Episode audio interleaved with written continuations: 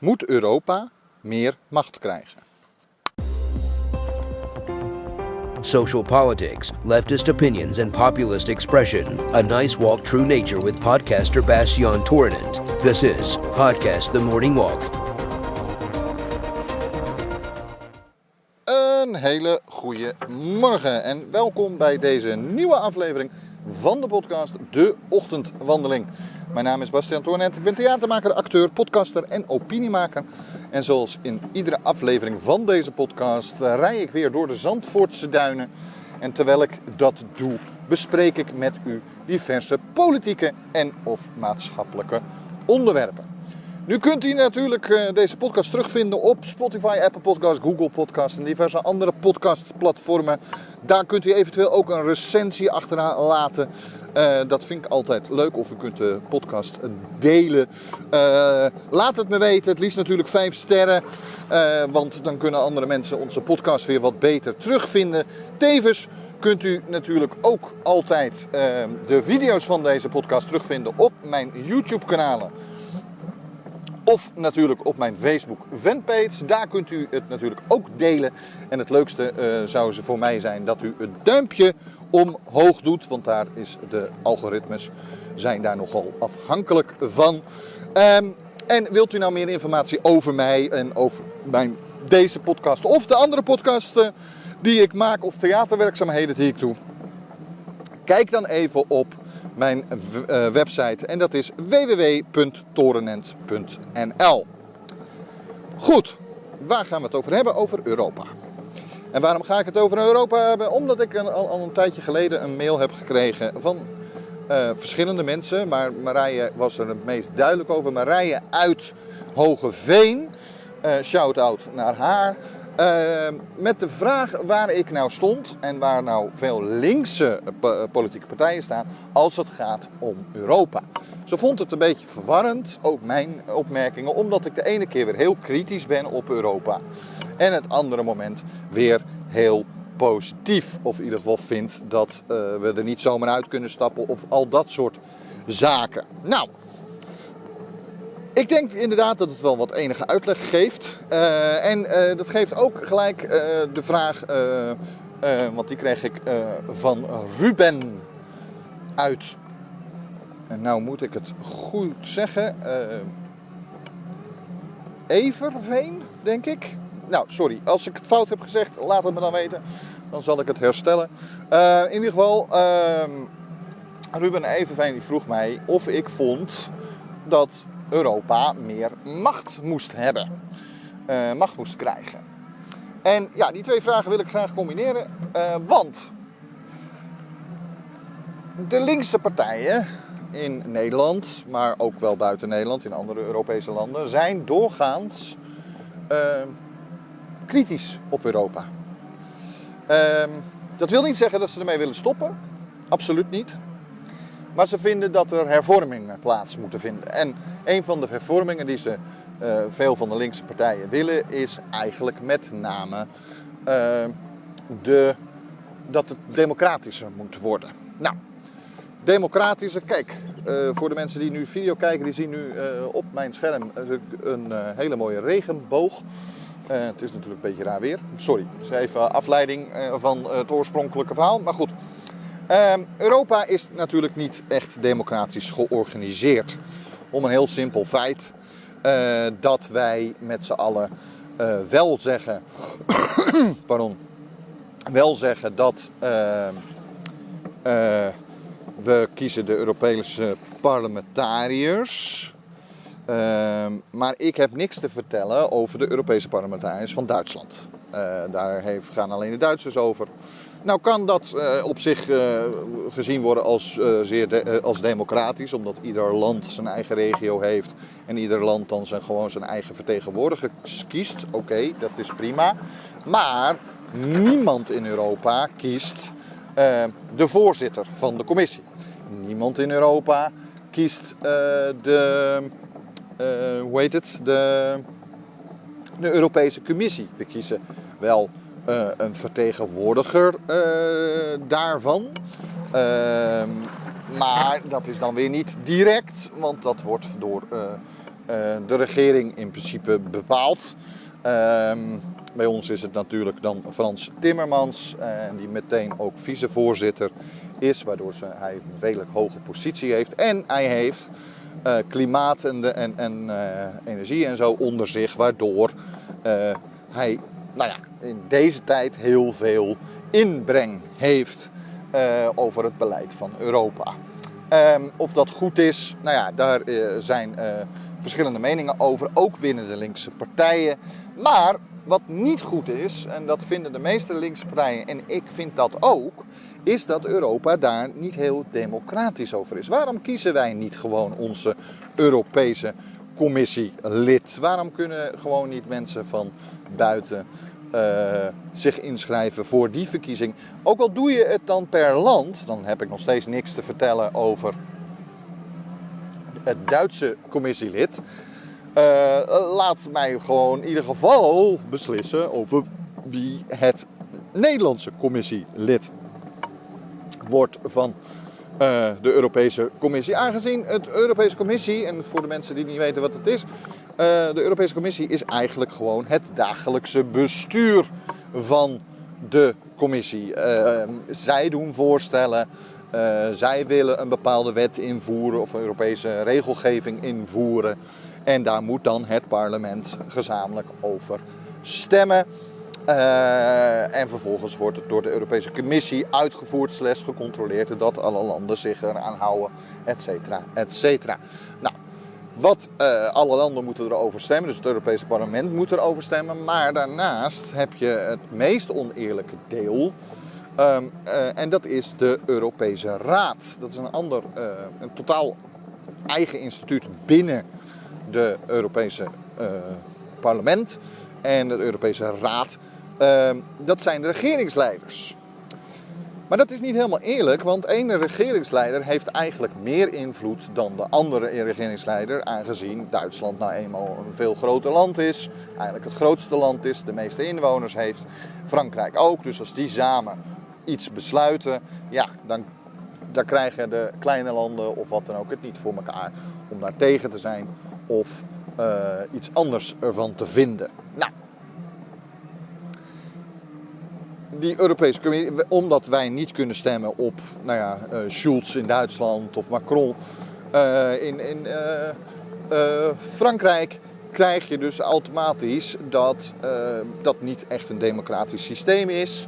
En het grootste probleem daarvan is, is dat de Europese Raad eigenlijk de machtigste, het machtigste orgaan is binnen de Europese Unie binnen het Europese parlement. Als de Europese Raad nee zegt tegen iets, dan gaat het ook niet gebeuren hoe graag de commissie het ook wil, hoe graag het Europese parlement het ook wil. Het gaat niet gebeuren als de Europese Raad zegt uh, dat, het, uh, dat ze het niet willen. Uh, dan merk dat, bovendien zijn er dan ook nog mogelijkheden, wat natuurlijk ook ten alle tijde eigenlijk stom is. Dat is niet echt democratisch. Ieder land heeft zijn eigen veto. Nou zijn er mensen die zeggen, ja, maar daar moet Nederland blij om zijn. Want daarmee kunnen we dingen tegenhouden die bijvoorbeeld uh, Hongarije of andere landen willen, uh, et cetera, et cetera. Ja, dat is waar, maar dan ga je heel erg alleen maar uit van je eigen perspectief. Ik ben veel meer voor een compleet Europees iets. Uh, een, uh, een, en volledig democratisch. Laat ons nou gewoon de voorzitter van de Europese Commissie kiezen.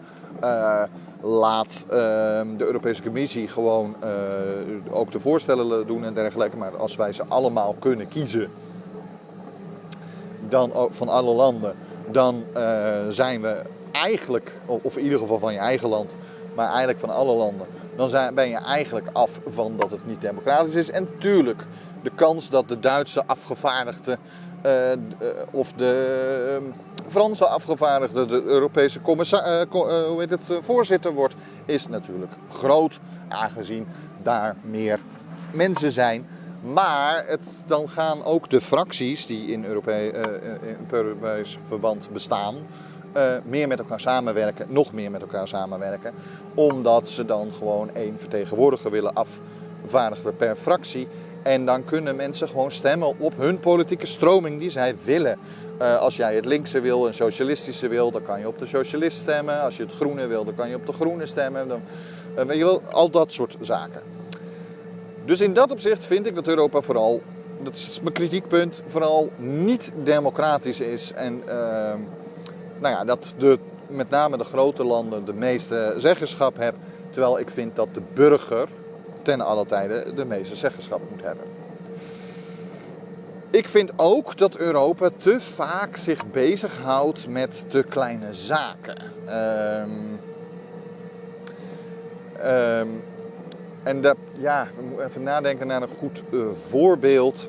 Um, ik vind dat eh, Europa zich niet moet met de pensioenen moet bemoeien. Om een heel simpel feit, dat is ieder land voor zich.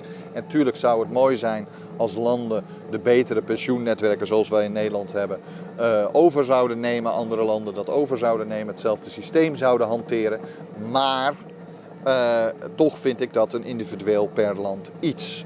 Dat geldt voor nou ja, eigenlijk meer zaken. ik vind dat wij euthanasie gewoon onszelf moeten bepalen. Al dat soort wetten uh, en dat soort uh, regelgeving moet niet naar Europa toe. Dat zijn met name de sociale wetten en de uitkeringshoogtes en dergelijke. vind ik dat Europa hoogstens een richtlijn mag vaststellen. Dus als Europa zegt, ja, wij vinden dat het minimumloon in heel Europa overal boven de 10 euro moet zijn. ik noem maar een bedrag, hè.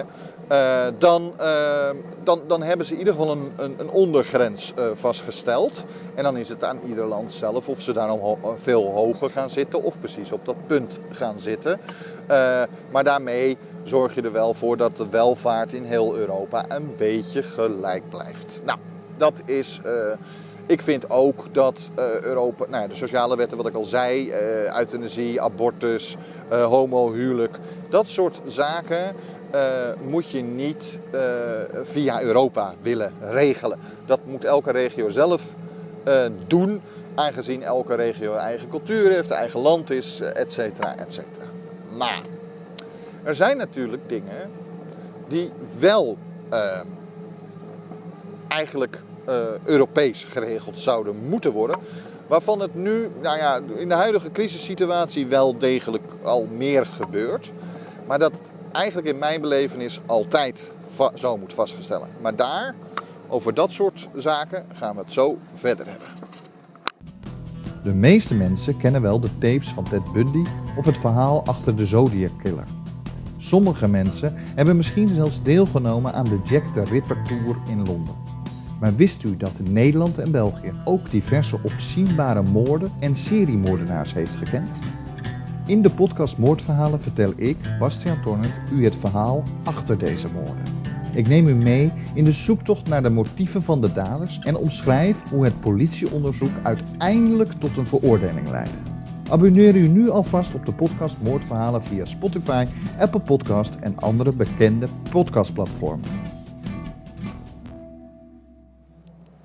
En welkom terug. Goed, uh, over uh, de dingen die ik vind dat Europa wel zou moeten doen. Nou, dat is bijvoorbeeld de gasinkoop die er nu is, nodig is. Heel Europa heeft een tekort aan gas, tekort aan energie, tekort aan uh, gedoe. Mede doordat we te afhankelijk zijn geworden van Rusland. Nou, ook Nederland is te afhankelijk geworden van Rusland. Nou hebben wij altijd, al die tijd niet zoveel nodig gehad, maar in feite zijn we heel afhankelijk geweest. Uh, hoe heet het? Uh, er zijn landen die veel afhankelijker zijn. Dus ik vind, ehm, ja, nou kan je wel met z'n allen, elk land kan voor zich gaan kopen. Ehm, en op zich is dat prima dat je dat doet. alleen het probleem daarvan blijft toch altijd dat je met name met name tegen elkaar op gaat lopen bieden. Dus de enige winnaar is de uh, verkoper. Nou, dat, is, uh, dat was Rusland. Uh, en dat is nu heel vaak Noorwegen of Saudi-Arabië of Amerika. waarbij wij eigenlijk als Europa, als, als, als, als Nederland, die heel rijk is, eh, betere prijzen kunnen onderhandelen of het eerder weg kunnen kopen omdat we meer geld hebben dan bijvoorbeeld een Griekenland of een Cyprus, wat gewoon een veel kleiner land is. Of natuurlijk gewoon een, een, een, een Portugal of weet ik veel wie uh, daarbij zit. Bovendien hebben we meer concurrentie vanaf Engeland, omdat die natuurlijk niet meer tot de Europese Unie behoort. Uh, waardoor er ook minder gegund wordt richting ons. Ja, dat is iets wat. We hebben het allemaal nodig. Alle Europeanen hebben gas nodig.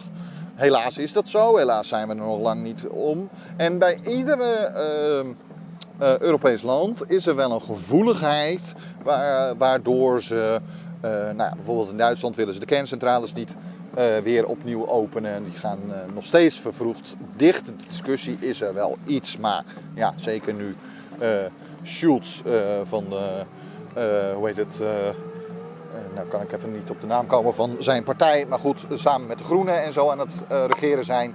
En de FDP, uh, die, ja, die zijn toch veel meer voor uh, hoe heet het, het stoppen met de kernenergie. Ehm, ja, hebben ze gewoon meer gas nodig gehad. want dat wordt vervangen door gascentrales. En uiteindelijk is het de bedoeling dat dat helemaal vervangen wordt door, hoe heet het, uh, groene uh, energie opwekkende zaken. Maar ja, het probleem is dat dat is er binnen nu en twee jaar is dat nog niet geregeld. Klaar. Ehm, dus moeten we nog steeds gas hebben. de komende, nou, tot in ieder geval 2040 hebben we wel gas nodig en één land meer dan het andere land. Uh, want er zijn ook nog landen, zoals ook Duitsland en ook zoals België, die ook van de, de kerncentrales langzamerhand dichtgooien. En uh, uh, eigenlijk een beetje terug zijn gegaan op de kolencentrales. Wij ook natuurlijk wel een beetje, maar bij ons is het minimaal. Terwijl in België en Duitsland veel groter is. Ja, ik heb liever dat zij afgaan van de kolencentrales en dat ze overgaan op gas. Want gas is ten alle tijden schoner. Alleen, gas is duur momenteel. Ehm, en uh, we hebben er een uh, tekort van. Uh, wij hebben de gevoeligheid dat we Groningen niet opengooien. waar natuurlijk eigenlijk altijd het gesprek over zou moeten zijn. Ik vind dat de Groningers gelijk hebben. Hè? Dat moeten we even vaststellen. Ik vind dat de Groningers gelijk hebben, want ze zijn te lang in de steek gelaten. Zij hebben geklaagd over die hoe heet het, aardbevingen. Er zijn schade toegeplaatst, er zijn zelfs gewonden gevallen.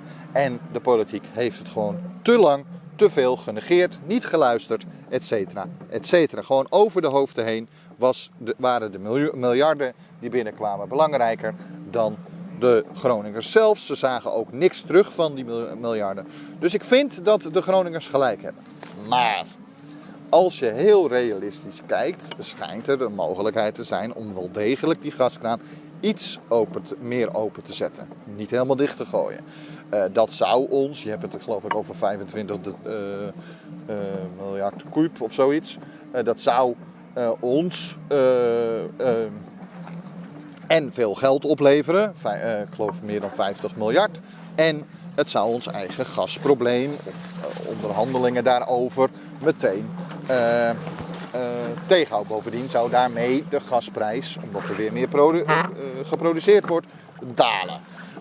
Um, maar ja, dat ligt gewoon te gevoelig en terecht dat het te gevoelig ligt. Want de politiek heeft gewoon ja, een blamage begaan. Die heeft gewoon de Groningers genegeerd. En eigenlijk gewoon gezegd, joh, wat jullie, jullie huizen doen er niet toe. Ja, dan snap ik heel goed dat het uiteindelijk zo gevoelig is geworden en ze zo boos zijn we geworden dat de enige optie was om de boel dicht, helemaal dicht te gooien.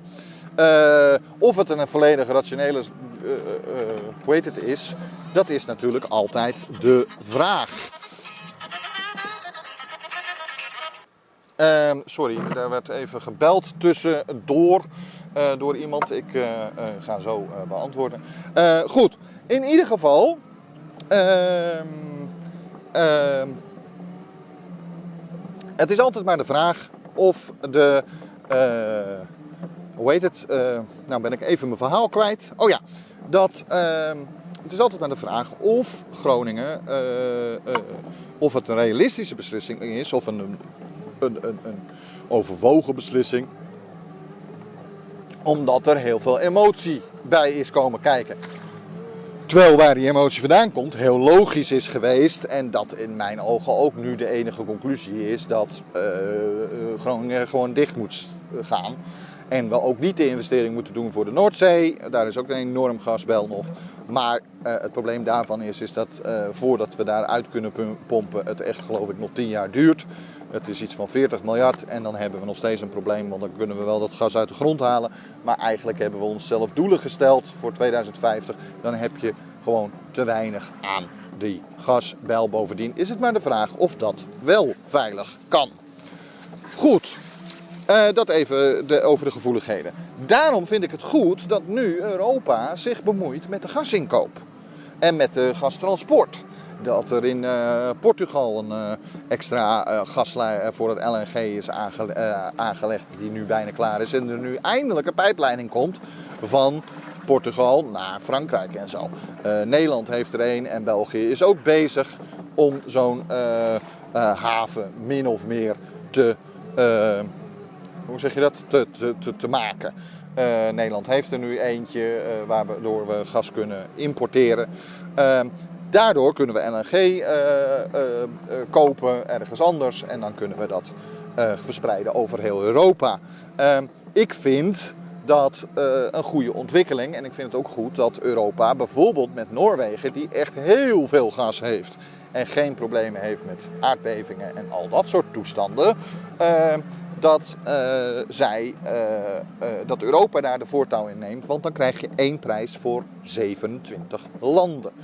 Ehm, ja, dan sta je gewoon sterker. Ik vind dat Europa, als het gaat om de coronacrisis, hebben we natuurlijk gehad met de vaccins. Ja, godzijdank hadden de landen hoe het in elk land ook gedaan is. In principe hadden de landen gezamenlijk vrij snel door dat als iedereen zelf dat vaccin in ging kopen, dat ze uh, tegen elkaar gingen concurreren. En dat je daardoor alleen maar de prijs opdreef bij de fabrikant. En dat de fabrikant alleen maar degene was die er profijt van had en niet de gewone burger. Nou, godzijdank heeft Europa daar het voortouw in genomen. Zodat alle landen binnen Europa het vaccin kregen. Plus dat uh, uh, we hebben gehad dat uh, er één prijs voor werd betaald. Je staat gewoon sterker met 27 landen en zoveel miljard mensen dan dat je met een eigen landje met een paar miljoen mensen staat. Zo simpel is het gewoon. Nou, daar vind ik het goed van. En daar vind ik dat Europa, de macht die ze nu min of meer door deze crisissen uh, hebben gekregen, uh, slash hebben genomen, dat ze die ook werkelijk uh, moeten blijven nemen. En laat ze maar die houden. Uh, nou ben ik een antimilitarist en, en, en ik ben uh, tegen eigenlijk, ik ben eigenlijk een uh, echte, nou ja, ik hou niet van oorlog. Ik vind dat eigenlijk alle wapens de wereld uit moeten, et cetera, et cetera. Maar ik ben in dat opzicht een dusdanige realist dat ik weet dat het niet gaat gebeuren zolang er nog Poetins, eh, Kim Jong-uns, eh, Cheese en wat dan ook rondlopen. Uh, en zolang de Amerikanen er nog zijn, moet ik heel eerlijk zeggen, want als er één groep gek op wapens is, dan zijn het de Amerikanen wel. Dus, en ik vind niet dat we zo afhankelijk moeten zijn van uh, hulp vanuit uh, Amerika. Dus is er een oplossing en dat is bijvoorbeeld dat leger maken, één Europees leger. Er wordt nu al zoveel samengewerkt tussen België, Duitsland, Luxemburg, etc. Uh, waarom maak je niet gewoon één Europese leger die onder een Europese vlag gaat fungeren? Waardoor je niet meer als land elk onderdeeltje hoeft te hebben. Ik bedoel, in Nederland zijn we hartstikke goed in met name de luchtmacht, de special forces en de marine. Dat zijn onze specialisaties, maar onze landmacht stelt niet zoveel voor. Tenminste, dat is hetgene wat experts eigenlijk tot nu toe altijd vertellen. Onze landmacht heeft ook heel lang pauw, pauw, pauw moeten zeggen in plaats van met scherp kunnen oefenen. dat is natuurlijk belachelijk. Terwijl als je dit Europees regelt, je veel beter elkaar kan helpen daarin samenwerken als de Duitsers beter zijn in de landmacht, laat in godsnaam vooral de Duitsers de landmacht en ook de munitie en dat soort dingen daarvoor regelen. En laten wij ons dan meer ontfermen over de marine. Ik geef maar een voorbeeld. In dat opzicht vind ik dus dat Europa wel degelijk wat meer macht mag hebben. Maar het gaat om hele specifieke dingen. Ik vind het heel goed dat uh, nou ja, Timmermans en zijn uh, kornuiten zoals uh, Samson die daar zit... die zijn bezig met bijvoorbeeld te zeggen... dus, dus alle stofzuigers mogen maar 800 watt hebben. Dat is de, een van de eerste dingen die ze hebben gedaan. Hierdoor zijn alle fabrikanten stofzuigers gaan maken. De fabrikanten hebben ook mee mogen praten. Ehm, allemaal fabrikanten, uh, ze zijn allemaal stofzuigers gaan maken, waarbij ze maar 800 watt of zelfs minder gebruikten. Maar wel veel krachtiger zuigen als dat ze tot nu toe hebben gedaan. Nou, dat doen ze, ze hebben dat in eerste instantie met de opladers gedaan, dat dat allemaal één kabeltje, of nou ja, één uh, stekker moest zijn. En nu zijn ze bezig met dat de mobiele telefoons alleen nog maar uh, USB-C mogen hebben. Uh, dus ook de iPhone, die moet ook om. En dat de, het, de batterij vervangbaar moet zijn. Nou, al dat soort zaken, dat doet Europa ook. En daar ben ik ook voor. Um, maar, zoals ik al eerder zei, de sociale zaken, daar moeten ze gewoon van afblijven. Dat zijn per land per, verschillend. Goed, dat was mijn mening. Uh, mochten jullie nog vragen hebben, uh, laat het me dan gewoon weten via ochtendwandeling.torenent.nl. Uh, en ik zie u de volgende keer weer.